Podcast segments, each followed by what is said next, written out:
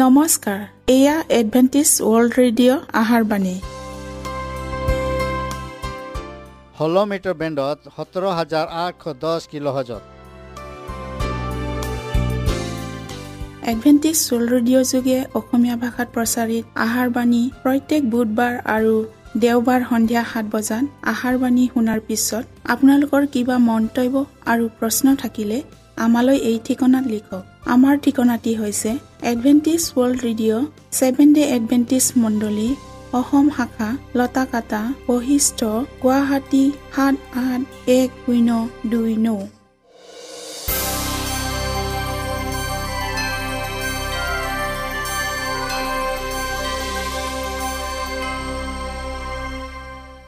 প্ৰিয় শ্ৰোতা বন্ধুসকল এতিয়া শুনো আহক এটি খ্ৰীষ্টীয় ধৰ্মীয় গীত।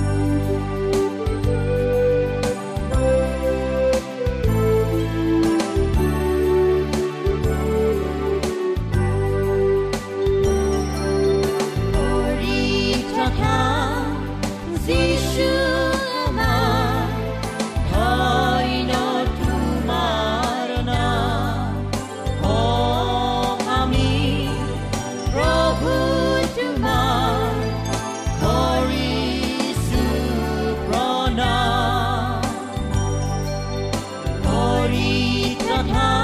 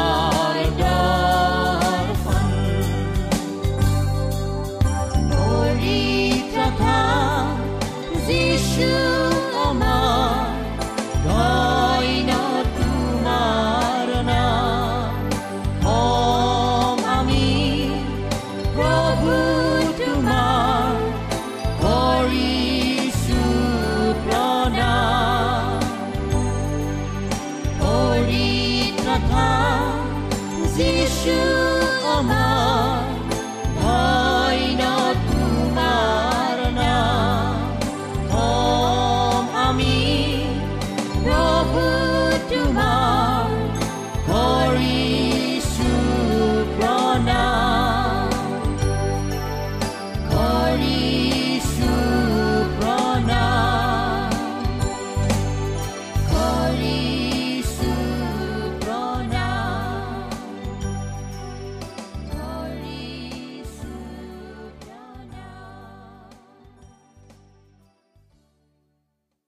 প্ৰিয় শ্ৰোতা বন্ধুসকল আহক আমি খন্তেক সময় বাইবেল অধ্যয়ন কৰোঁ হওক।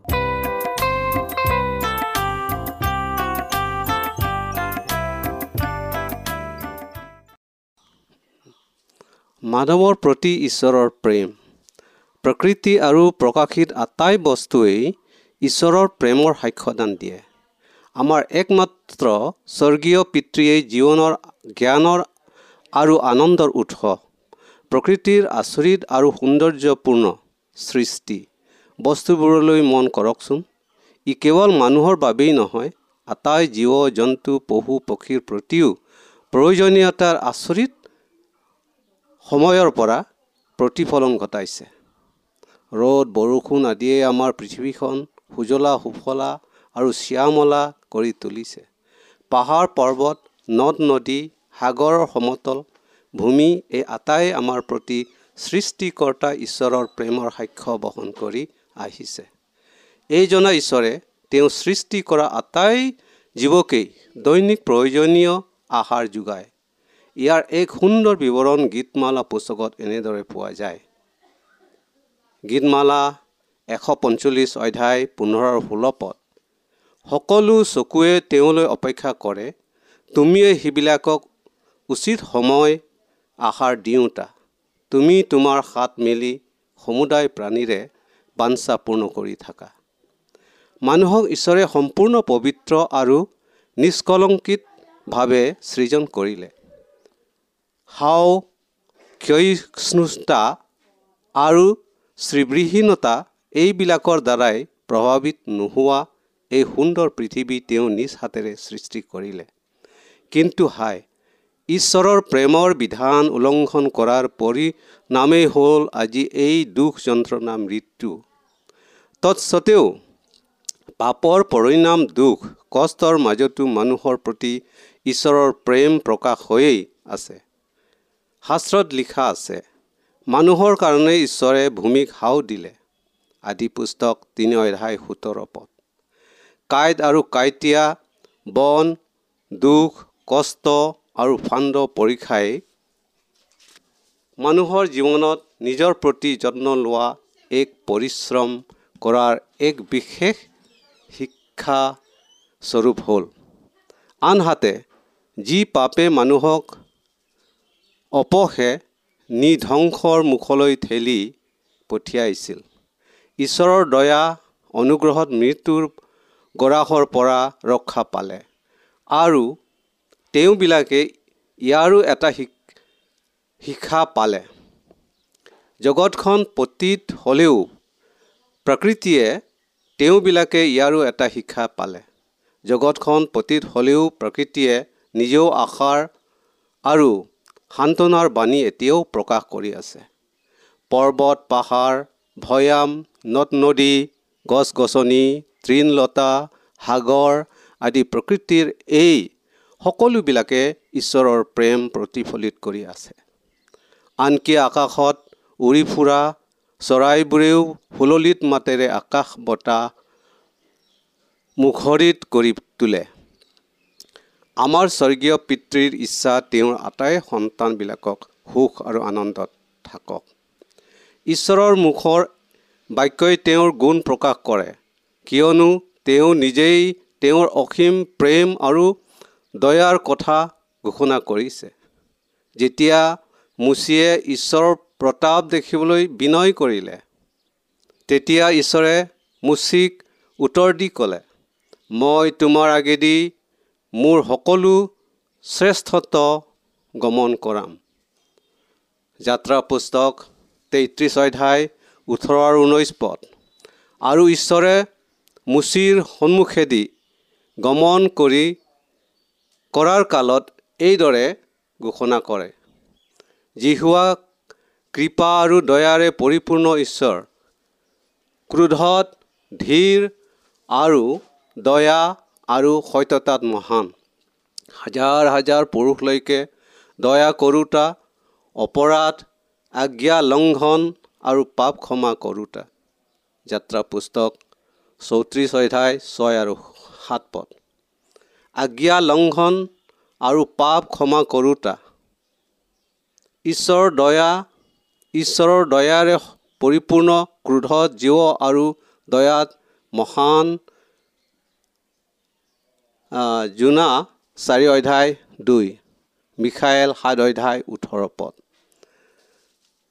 স্বৰ্গ আৰু পৃথিৱীত থকা অসংখ্য চিনবোৰৰ দ্বাৰাই ঈশ্বৰে আমাৰ হৃদয়ত তেওঁৰ প্ৰভাৱ বিস্তাৰ কৰি থাকিলেও এই লয়প্ৰাপ্ত বস্তুবোৰে তেওঁক নিখুঁতভাৱে প্ৰকাশ কৰিব নোৱাৰে।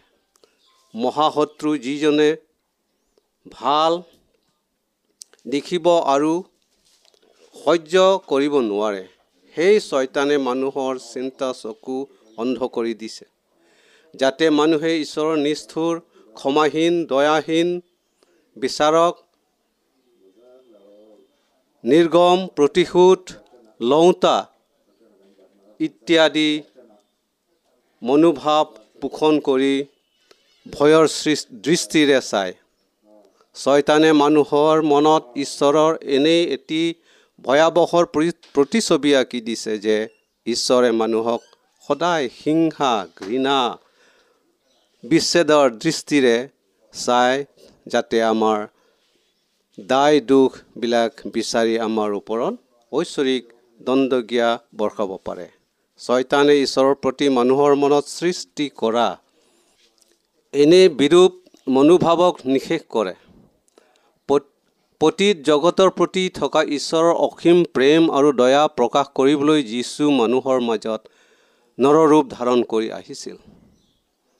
পিতৃক প্ৰকাশ কৰিবলৈ সৰগৰ পৰা স্বয়ং ঈশ্বৰ পুত্ৰ এই কৰাত মনত জন্ম ল'লে। মানৱ জন্ম ল'লে। কোনেও ঈশ্বৰক কেতিয়াও দেখা নাই। পিতৃৰ কোলাত থকা একমাত্ৰ পুত্ৰই তেওঁ প্ৰকাশ কৰিলে। জোহন এক অধ্যায় ওঠৰ পদ। পুত্ৰৰ বাহিৰে আৰু পুত্ৰই যি কোনোৰ আগত তেওঁক প্ৰকাশ কৰিবলৈ ইচ্ছা কৰে তেওঁৰ বাহিৰে কোনেও পিতৃক নাজানে। মুঠি এঘাৰ অধ্যায় সাতাইছ সাতাইছ পদ। যেতিয়া শিষ্যবিলাকৰ মাজৰ এজনে সুধিলে পিতৃক আমাক দেখুৱাওক? তেতিয়া যীশুৱে ক'লে হে ফিলিপ মই তোমালোকৰ লগত ইমান দিন থকাটো তুমি মোক চিনি পোৱা নাইনে? যিজনে মোক দেখিলে তেওঁ মোৰ পিতৃকেই দেখিলে। তেন্তে পিতৃক দেখুৱাওক বুলি কেনেকৈ কৈছা? জোহন চৈধ্যায় আঠ আৰু ন পদ। যীশুৱে তেওঁৰ জাগতিক পৰিচৰ্যাৰ প্ৰতি ব্যাখ্যা কৰি কৈছিল দৰিদ্ৰবিলাকৰ আগত শুভবাৰ্তা প্ৰচাৰ কৰিবলৈ তেওঁ মোক অতিসিক্ত কৰিলে। বন্দিয়াৰ আগত মুক্তিৰ আৰু অন্ধবিলাকৰ আগত পুনৰাই চকু পোৱাৰ কথা ঘোষণা কৰিবলৈ হেঁপাহ যোৱাবিলাকক মুকলি কৰিবলৈ মোক পঠালে। লোক চাৰি অধ্যায় ওঠৰ পদ। তেওঁ সঁচাকৈয়ে গাঁৱে ভূঞে নগৰে চহৰে প্ৰৱেশ কৰি নানা প্ৰকাৰৰ অনেক ৰোগীবিলাকৰ সুস্থ কৰিলে। ভূত ছয়তানৰ দ্বাৰাই আক্ৰান্ত হোৱা লোকবিলাকক সুস্থ কৰিলে। তেওঁৰ এই দয়াৰ কামবোৰত বোৰেই তেওঁ যে ঐশ্বৰিকভাৱে মনোনীত আৰু অতিশীত ইয়াক প্ৰমাণ কৰিছিল। তেওঁ কৰা প্ৰত্যেকটো কৰ্মতেই তেওঁৰ প্ৰেম দয়া আৰু সহানুভূতি ফুটি উঠিছিল।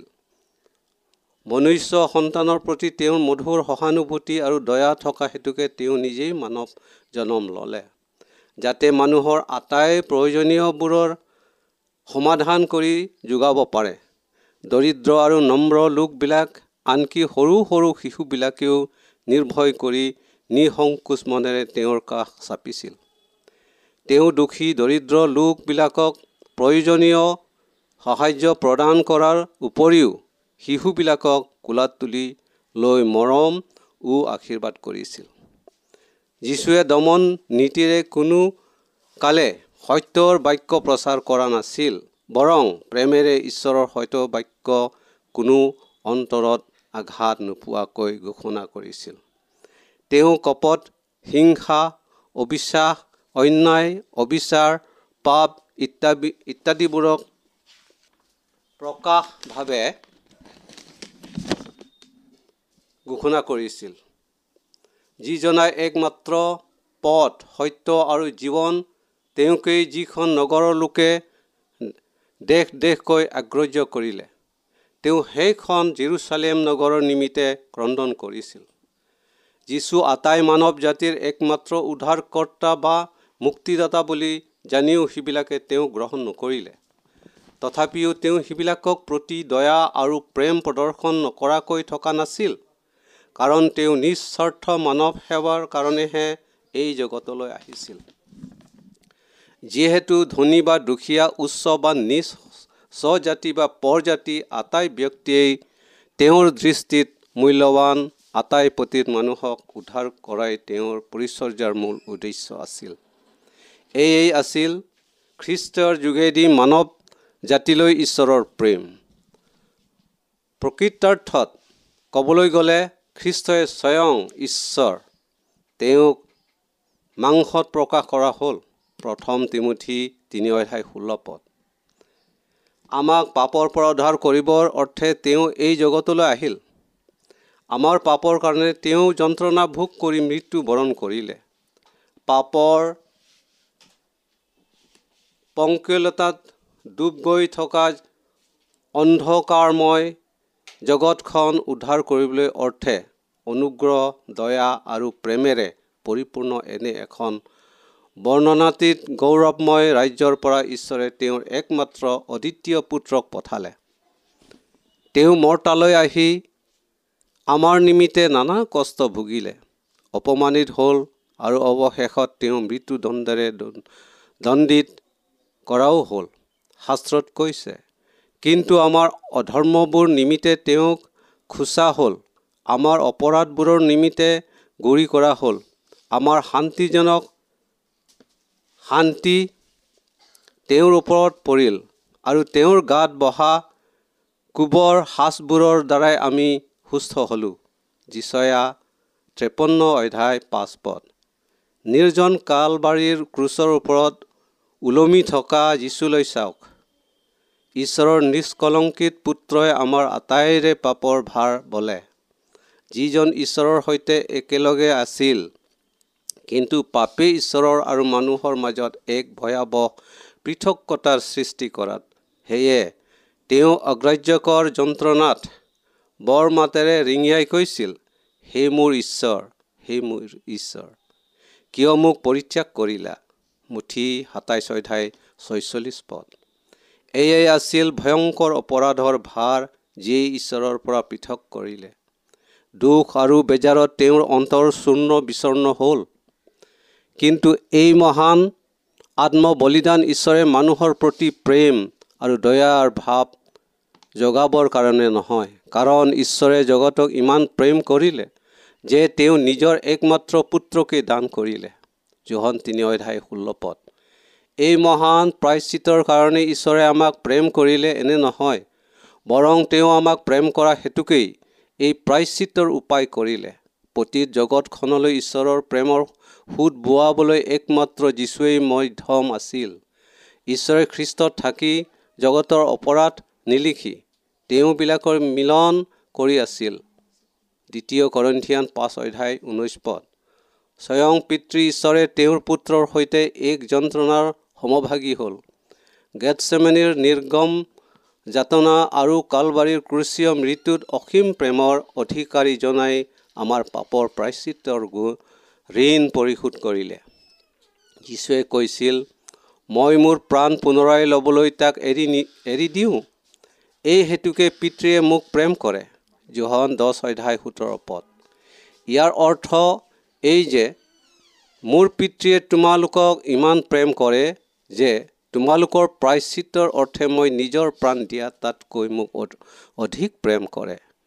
পিতৃৰ কোলাত থকা তেওঁৰ একমাত্ৰ পুত্ৰই আমাৰ উদ্ধাৰ কাৰ্য সিদ্ধ কৰিলে। কিয়নো ঈশ্বৰৰ প্ৰেম মহান উদাৰতাক জনা জনেহে এই কাৰ্য সিদ্ধ কৰিব পাৰে।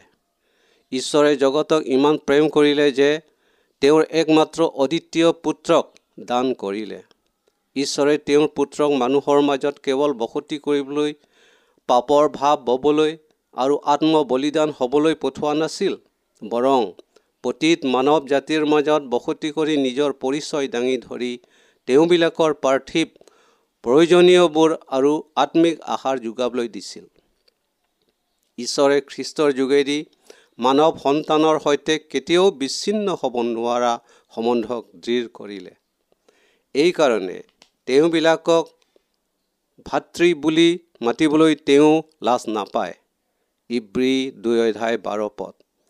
তেওঁৱেই আমাৰ সৰ্বযুগৰ পৰিদা পৰিত্ৰাণ দাতা তেওঁৱেই আমাৰ বলিদান আমাৰ সান্তনা দাতা আমাৰ ভ্ৰাতৃ যিজনাই আমাৰ দৰে মানৱ আকৃতি ধাৰণ কৰি তেওঁ উদ্ধাৰ কৰা লোকবিলাকৰ সৈতে সৰ্বযুগৰ বাবে একত্ৰিত হ'ল। সেইজনাই মানুহৰ পুত্ৰ। পতীত মানৱক পাপৰ দ্বাৰাই আক্ৰান্ত হৈ ধ্বংস আৰু অধপতন হোৱাৰ পৰা উদ্ধাৰ কৰি ঈশ্বৰৰ অসীম প্ৰেম আৰু আনন্দ প্ৰতিফলিত কৰিলে। আমাৰ স্বৰ্গীয় পিতৃয়ে তেওঁৰ পুত্ৰৰ যোগেদি আমাৰ পাপৰ বাৰ খুজি পুনৰাই তেওঁত সৃষ্টি কৰিলে। পাচনি জোহানে জোহনে ঈশ্বৰৰ প্ৰেমৰ নিগুৰ অৰ্থ বুজি পাই কৈছিল চোৱা আমি যেন ঈশ্বৰৰ সন্তান বুলি বিখ্যাত হওঁ। ইয়াতে পিতৃয়ে আমাক কেনে প্ৰকাৰ প্ৰেমদান কৰিলে আৰু আমি তেওঁৰ সন্তান হৈছোঁ? প্ৰথম জোহান তিনি অধ্যায় এক পদ। ঈশ্বৰৰ আজ্ঞা উলংঘনকাৰী হৈ মানুহে ছয়তানৰ অধীন হ'ল। কিন্তু খ্ৰীষ্টৰ প্ৰায়চিত্তকাৰী আত্মবলিদানক বিশ্বাসৰ দৃষ্টি চালে। আদমৰ প্ৰতি সন্তানবিলাকে পুনৰাই ঈশ্বৰৰ সন্তান হোৱাৰ অধিকাৰ পায়। তেওঁ নৰ ৰূপ ধাৰণ কৰি মানুহক উচ্চ স্থান দিলে। যেন তেওঁৰ যোগেদি মানুহ পুনৰাই ঈশ্বৰৰ সন্তান নামৰ যোগ্য হয়। এয়া মানুহৰ উত্তোলনীয় প্ৰেম। স্বৰ্গীয় ৰজাৰ সন্তান কেনে অৰ্থপূৰ্ণ প্ৰতিজ্ঞা? এক গভীৰ আধ্যাত্মিক ধ্যানৰ মূল প্ৰসংগ। জগতৰ প্ৰতি উত্তোলনীয় প্ৰেম থকা ঈশ্বৰক জগতে প্ৰেম কৰিব নাজানিলে। বশীভূত কৰিব পৰা ঈশ্বৰ ইচ্ছা শক্তিৰে নিজকে ঈশ্বৰৰ ইচ্ছাত আবদ্ধ কৰি ৰাখিব পাৰোঁ।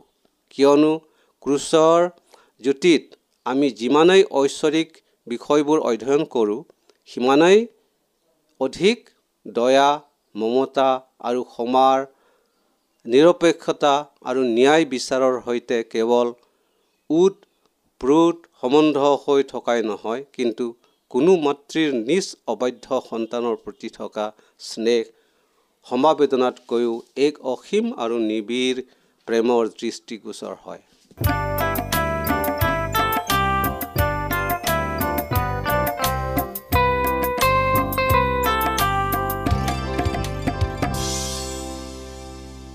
ইমানপৰে আমি বাইবেল অধ্যয়ন কৰিলোঁ এতিয়া আকৌ শুনো আহক এটি খ্ৰীষ্টীয় ধৰ্মীয় গীত।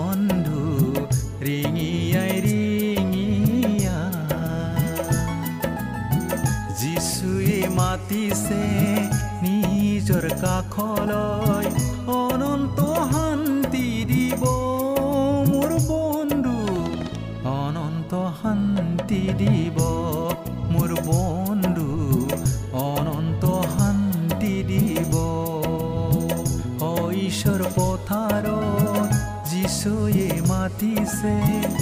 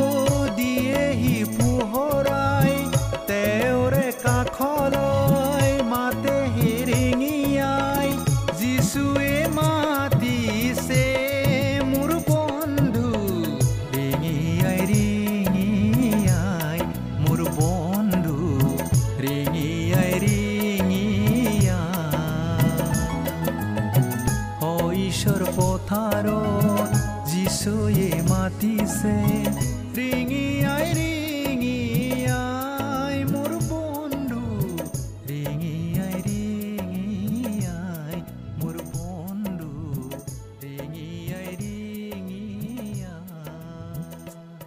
মনত ৰাখিব আমাৰ ঠিকনাটি পুনৰ কৈ দিছোঁ। Adventist World Radio' Assam region of seven day Adventist voice of hope Lotakata Basistha Guwahati seven eight one zero' two nine প্ৰিয় শ্ৰোতা বন্ধুসকল এডভেণ্টিজ ৱৰ্ল্ড ৰেডিঅ' যোগে আহাৰবাণী প্ৰচাৰত আপোনালোকক পুনৰ লগ পোৱাৰ আহাৰে আজিলৈ সামৰিলোঁ। ধন্যবাদ।